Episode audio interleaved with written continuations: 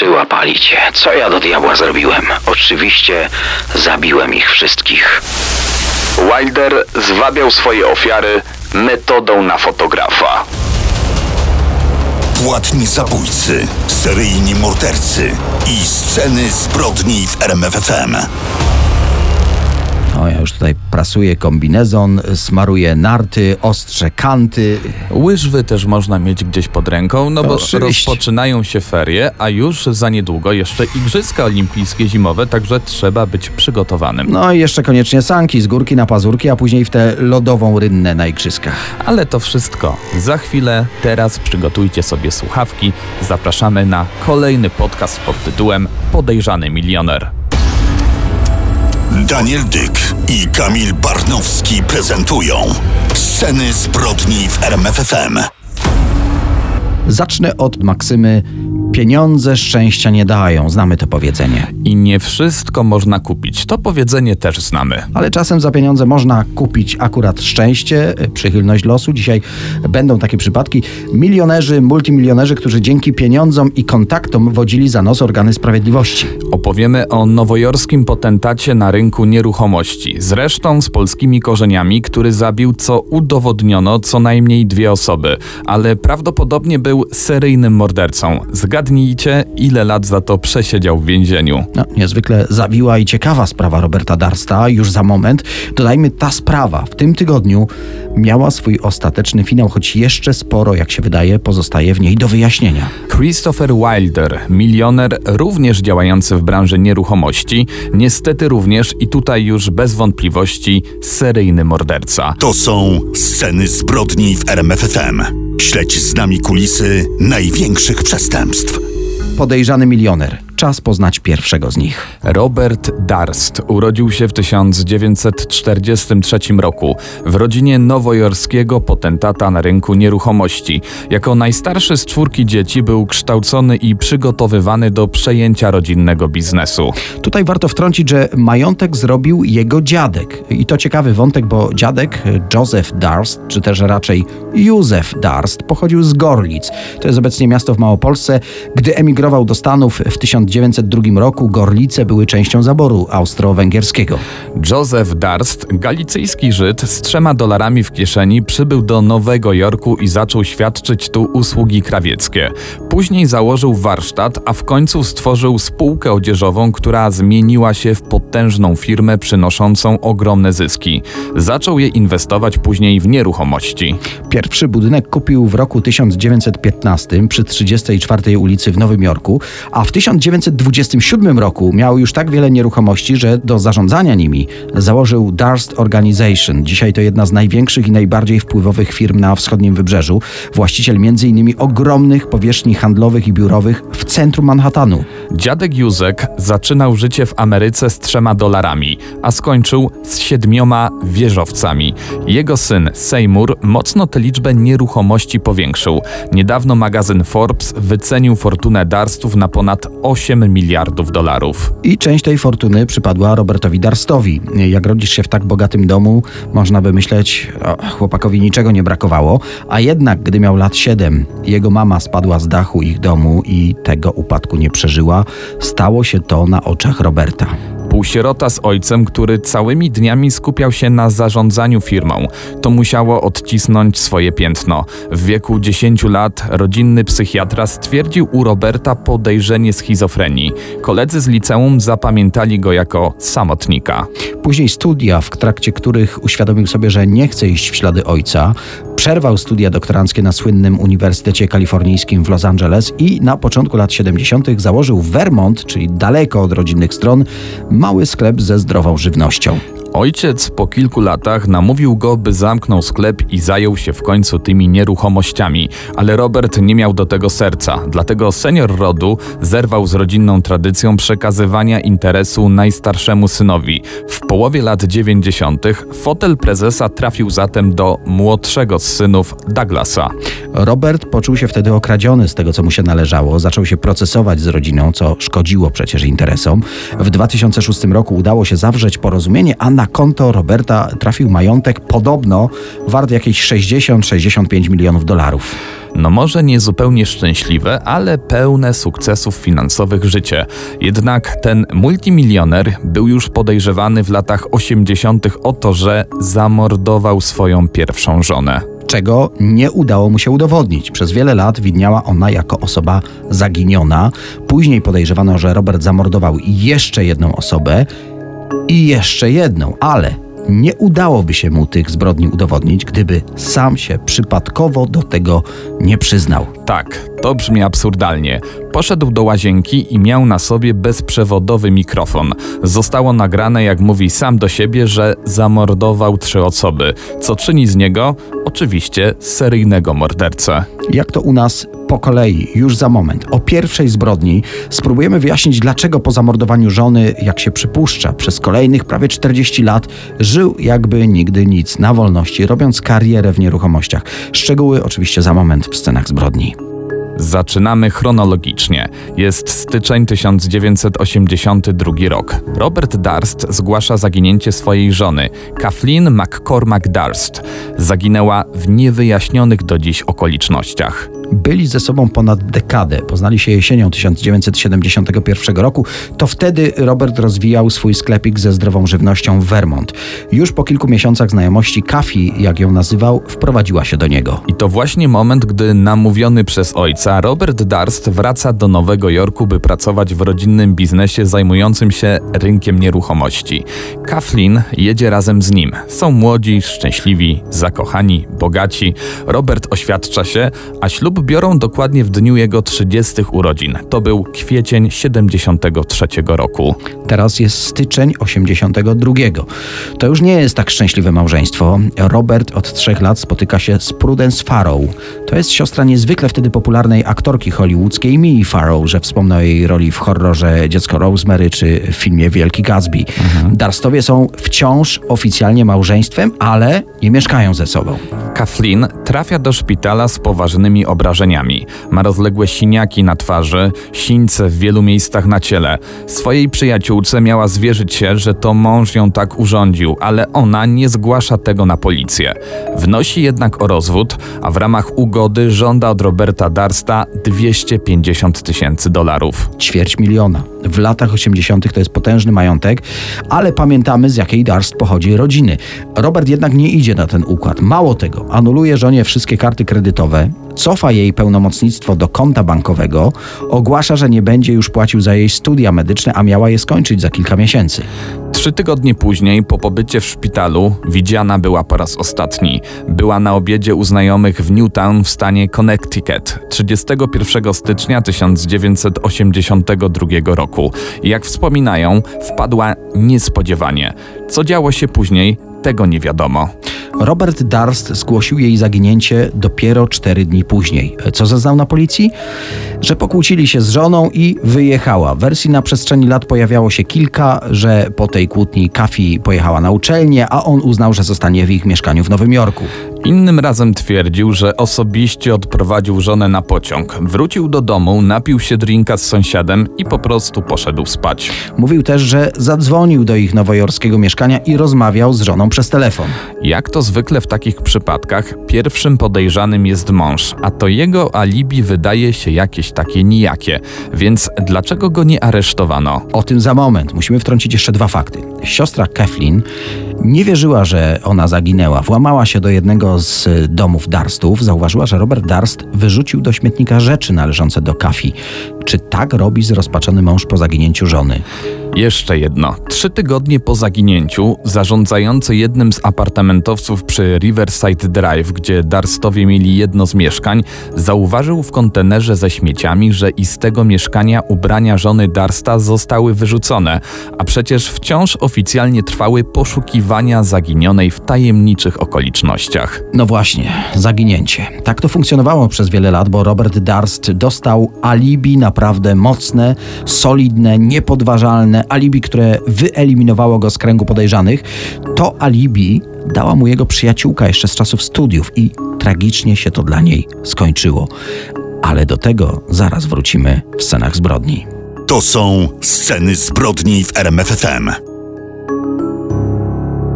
Dzisiejszym tematem jest podejrzany milioner i wracamy do Roberta Darsta, prawdopodobnie seryjnego mordercy. Na razie jesteśmy w roku 82, gdy prawdopodobnie zamordował swoją żonę, ale niepodważalne alibi dała mu wtedy jego wieloletnia przyjaciółka Susan Berman. Poznali się jeszcze na studiach na Uniwersytecie Kalifornijskim. Berman była córką znanego amerykańskiego gangstera, który miał popularne kasyno w Las Vegas. Powiedziała, że w dniu zaginięcia żony Robert był u niej. Sprawa wydaje się mocno wątpliwa, ale wtedy śledztwo trzeba było umorzyć. Mało tego, Susan Berman stała się kimś w rodzaju rzecznika prasowego Roberta Darsta.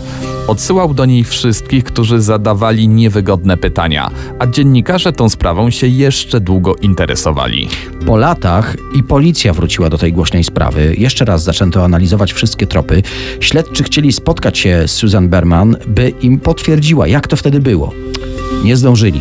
Wyobraźcie sobie, tuż przed świętami Bożego Narodzenia roku 2000 Susan została zamordowana w jej domu w Los Angeles. Wszystko wskazywało na to, że mogły to być porachunki gangsterskie związane z działalnością jej ojca, o czym świadczyć miał typowo gangsterski sposób zamordowania kobiety. Zabójca strzelił jej z bliska w tył głowy. Prawda, że dziwny i makabryczny zbieg okoliczności? To nie koniec. O jej śmierci policja dowiedziała się kilka dni później, otrzymała anonimowy donos. I kolejny niesamowity zbieg okoliczności. Zdaniem biegłych grafologów, anonim napisany był charakterem pisma Roberta Darsta. A jednak policja znów uznała, że dowody nie są dość mocne. W dodatku Robert Darst zniknął. No i jeśli wydaje się Wam, że ta historia jest mocna, no to uwaga, bo teraz kolejny twist. Październik 2001 rok. W Zatoce Meksykańskiej zaczęto znajdować worki z poćwiartowanymi fragmentami ciała. Udało się zidentyfikować ofiarę. To mężczyzna, Morris Black. Śledczy dotarli do jego mieszkania przy Zatoce w mieście Galveston w Teksasie. Policjanci rutynowo przesłuchują zazwyczaj w takich przypadkach sąsiadów. No i wyobraźcie sobie, że jedna z sąsiadek okazuje się przebranym w perukę i damskie ciuchy Robertem Darstem. Ukrył się w tym przebraniu przed ewentualnym aresztowaniem go w sprawie tego gangsterskiego zabójstwa Susan Berman. W dodatku Darst przyznaje się, że to on zabił sąsiada. Jego ciało poćwiartował i wrzucił do oceanu. I jeśli myślicie, że został skazany, posłuchajcie. Rusza proces, prawnicy dobrze opłaceni bronią Darsta. Udowadniają, że zabił sąsiada w obronie własnej, że to sąsiad go zaatakował, a broń Roberta przypadkowo wypaliła. No i jego winą jest jedynie to, że utrudniał śledztwo, bo zamiast zgłosić na policję ten fakt, poćwiartował sąsiada piłą, rzeźniczym nożem i toporkiem, no i próbował ukryć zwłoki w oceanie. Ława przysięgłych uznała, że jest niewinny, że to samoobrona, no czy to nie daje do myślenia? Na pewno dało do myślenia grupie dziennikarzy. Jest rok 2015. Postanowili zebrać te wszystkie fakty i nakręcić dokument. Poprosili Darsta, żeby opowiedział, jak było. Reżyser filmu Andrew Jarecki przygotował dla niego małą pułapkę. Przygotował list napisany ręką Roberta Darsta i ten anonim, który został wysłany na policję, zawiadamiający o śmierci Susan Berman, jego przyjaciółki. Twórcy dokumentu chcieli zobaczyć, jak zareaguje, gdy pokażą mu ten sam charakter pisma. Przed kamerą Robert Darst zaprzeczył. Po wywiadzie przeprosił ekipę filmową i poszedł na moment do łazienki. Zapomniał, że wciąż ma przypięty mikrofon. Dodajmy, kamery były wciąż w tak zwanym zapisie.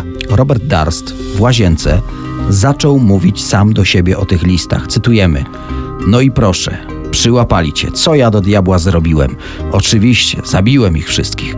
Te słowa zostały nagrane i to one stały się początkiem kolejnego śledztwa, a także ostatecznym dowodem przeciwko milionerowi. Ale minęło kolejnych pięć lat, zanim ruszył proces. W końcu mordercę skazano na dożywocie, ale jedynie za zabójstwo Susan Berman. Śledczy chcieli oskarżyć go także o zamordowanie żony 40 lat wcześniej, ale nie zdążyli. 10 stycznia 2022 roku Robert Darst zmarł w więzieniu w wieku 78 lat. Jak podano, przyczyną śmierci były powikłania po zakażeniu COVID-19. Daniel Dyk i Kamil Barnowski prezentują Sceny zbrodni w RMFFM. Przenosimy się do Australii, gdzie urodził się Christopher Wilder. Mężczyzna dorobił się sporej fortuny szacowanej na kilka milionów dolarów. Jednak nie został zapamiętany jako prężny przedsiębiorca ze smykałką do interesów. Albo człowiek, który po przeprowadzce do USA zrealizował swój American Dream. Niestety stał się jednym z najbardziej brutalnych seryjnych morderców. W wielu miejscach nazywano go Beauty Queen Killer, czyli morderca królowych piękności. No to zacznijmy tę historię od początku. Christopher Wilder, urodzony w 1945 roku w Sydney. Jego ojciec był z pochodzenia Amerykaninem. W Australii stacjonował jako oficer marynarki wojennej. Według relacji Wildera jego dzieciństwo obfitowało w nieszczęściach. Zaraz po narodzinach jego stan pogorszył się do tego stopnia, że był bliski śmierci. Parę lat później miał znów wpaść do basenu, gdzie prawie się utopił. Generalnie był dość chorowity. Oprócz wspomnianych epizodów, jego dzieciństwo nie wyróżniało się jakoś na tle rówieśników. Chłopak był typem małego podglądacza, no ale tutaj bardzo szybko kończy się obraz zwykłego młodzieńca z Sydney. Gdy ma 17 lat, został skazany za udział w gwałcie zbiorowym na 13-letniej dziewczynce.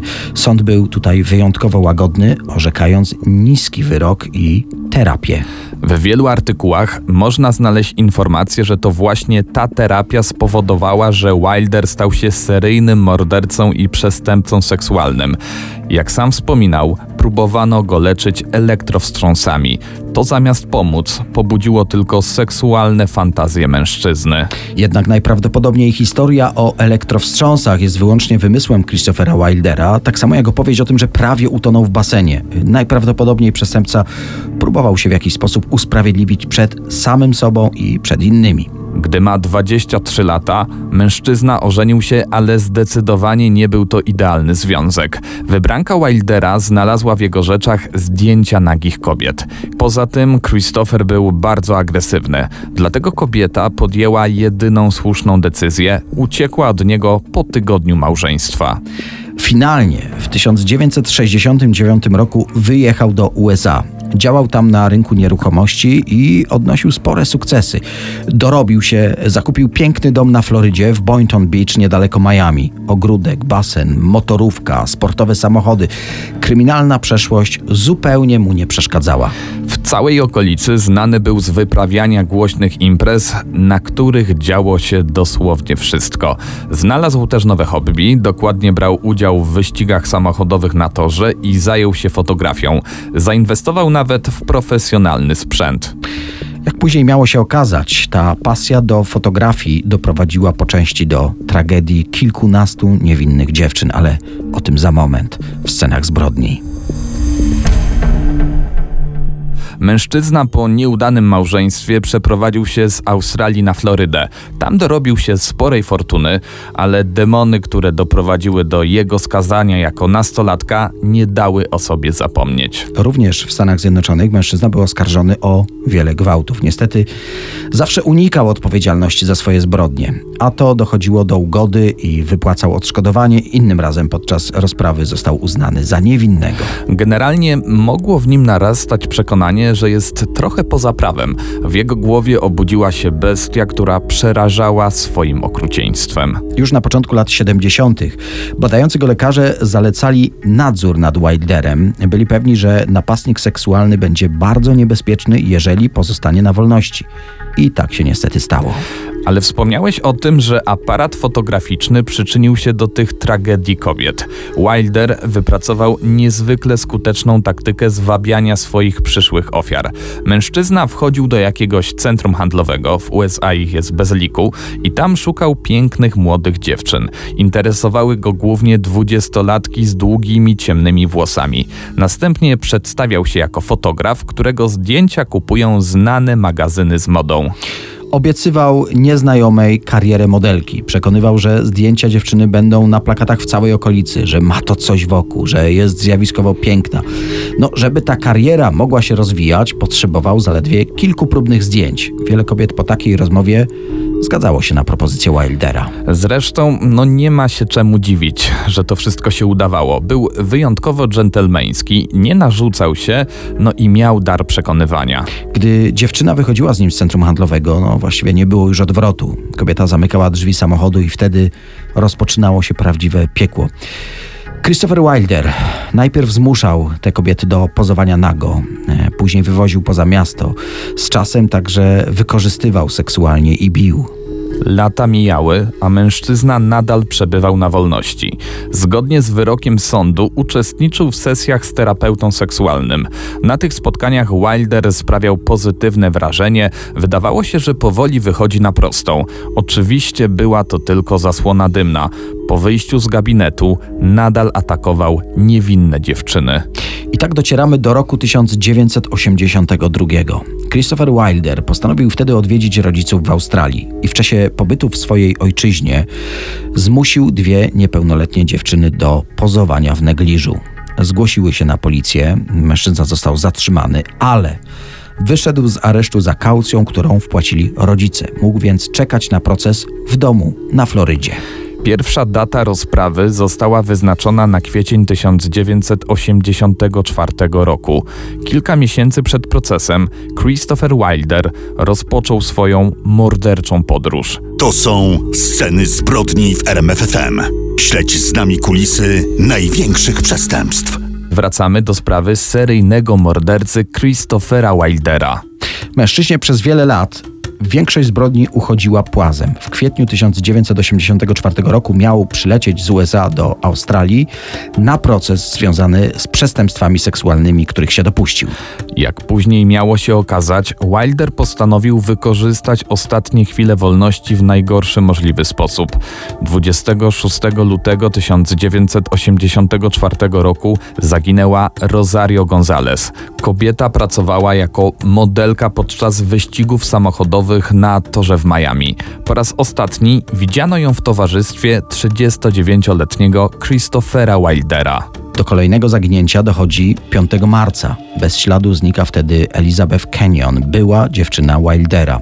Kobietę na stacji benzynowej dostrzegł pracownik stacji. Jakiś mężczyzna w średnim wieku płacił rachunek wtedy za jej tankowanie. Samochód Elizabeth znaleziono na parkingu niedaleko lotniska.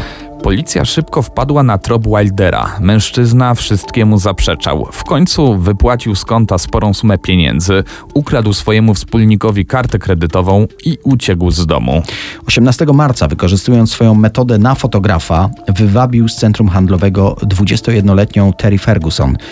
Jej ciało znaleziono kilka dni później.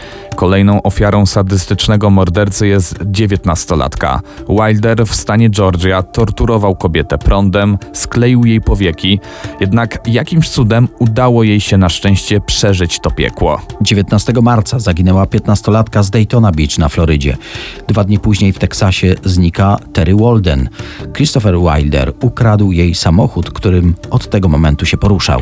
Kolejne młode, piękne dziewczyny znikają w następnych dniach w stanie Oklahoma Oklahoma, Colorado, Utah, wszystkie po raz ostatnie były widziane w towarzystwie łysawego mężczyzny pod czterdziestkę. Morderca trafił na listę dziesięciu najbardziej poszukiwanych przestępców w USA. Jego wizerunek pokazywano w telewizji. Nie był już anonimowy, ale Wilder nie zamierzał się zatrzymywać. W stanie Kalifornia uprowadził Tina Riziko zmusił nastolatkę do zwabienia kolejnych ofiar. Tina ostatecznie przeżyła, a Wilder kupił jej nawet bilet na samolot do domu. Bezwzględny morderca nadal przemierzał Stany Zjednoczone. Jedna z ofiar, która przeżyła jego atak, przekazała policji, że zamierza wyjechać do Kanady. I tak jest 13 kwietnia 1984 roku. Niedaleko stacji benzynowej w małym mieście Colebrook Christopher Wilder został rozpoznany przez funkcjonariuszy policji stanowej. Gdy policjanci zbliżyli się do niego, ten sięgnął po pistolet do swojego samochodu. Wywiązała się szamotanina. Broń dwukrotnie wystrzeliła. Pierwszy pocisk trafił w mordercę, ale ranił też jednego z policjantów. Natomiast drugi trafił bezpośrednio w serce Christophera Wildera. Mężczyzna zginął na miejscu. Śmierć uznano za samobójstwo. Do dzisiaj trwają dyskusje, ile osób zamordował Wilder. Oficjalnie przypisuje mu się 8 ofiar, ale według śledczych może być ich nawet 18. Dodajmy jeszcze, że Christopher Wilder zostawił po sobie majątek szacowany na 7 milionów dolarów. Pieniądze zostały rozdzielone między rodziny jego ofiar. Sceny zbrodni w RMFFM.